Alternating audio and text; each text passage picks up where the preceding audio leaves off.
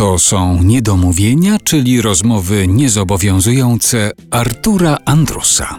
Katarzyna Figura jest dzisiaj gościem niedomówień w RMF Classic.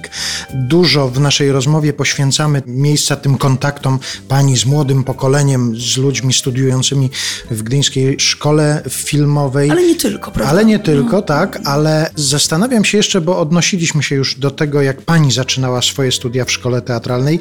Domyślam się, tak jest na pewno w wielu dziedzinach, a w dziedzinach artystycznych pewnie w szczególny sposób, że potrzebny jest na początku takiej drogi zawodowej ktoś, kto doda skrzydeł. Ja muszę powiedzieć, że na pewno jestem szczęśliwcem. Pod każdym względem.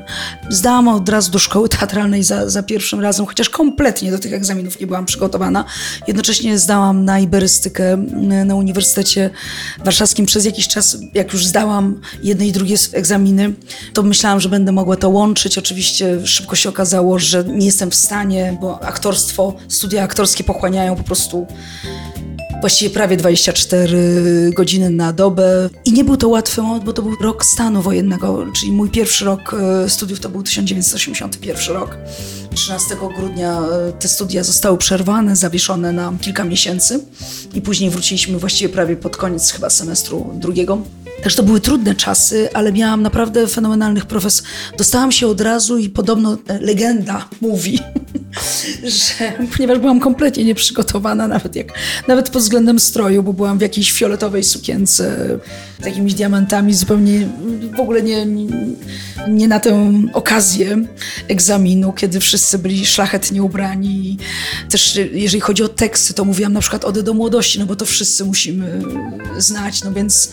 Ale podobno pan Andrzej Łapicki właśnie, który był wówczas rektorem, przewodniczył komisji, on był zachwycony mną i on wpłynął na to, że, że, że to jest osoba, która rzeczywiście ma coś do, do zrobienia w tym zawodzie.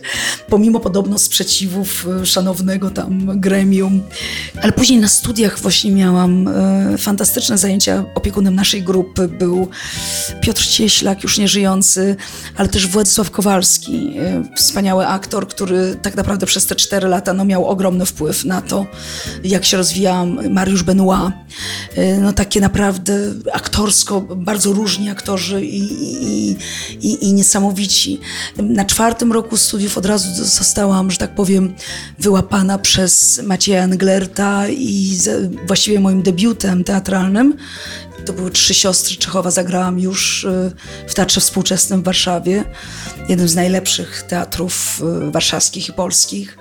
I tu zagrałam u boku Mai Komorowskiej, Marty Lipińskiej. To były nasze trzy siostry. Ja zagrałam Irinę, najmłodszą. I zaczęłam pracować w Teatrze Współczesnym, więc zaznałam się z takimi osobowościami jak e, Czesław Wołejko, jak e, Wiesław Michnikowski.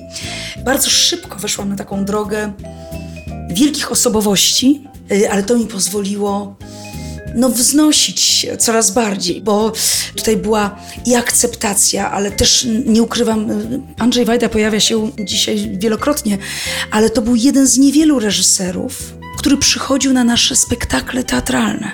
Więcej y, był na spektaklu teatralnym, właśnie takiej amerykańskiej jednoaktówki, i później po spektaklu przyszedł do mnie do garderoby i powiedział: Pani Kasiu, ale tutaj jakby pani troszeczkę zmieniła tutaj jedno. To był jakiś egzamin studenta e, reżyserii teatralnej z Wydziału Aktorskiego Graliśmy.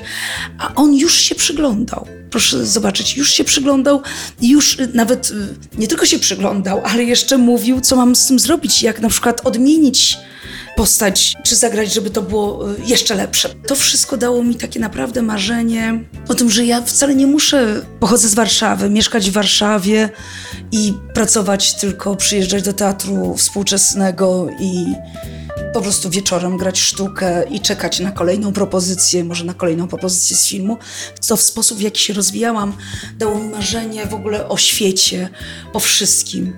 No o tym, żeby na przykład zagrać u Martina Scorsese czy y, to, do czego doprowadziłam, to, to też się akurat zdarzyło, ale na przykład pracować z Robertem Altmanem, czy z Romanem Polańskim.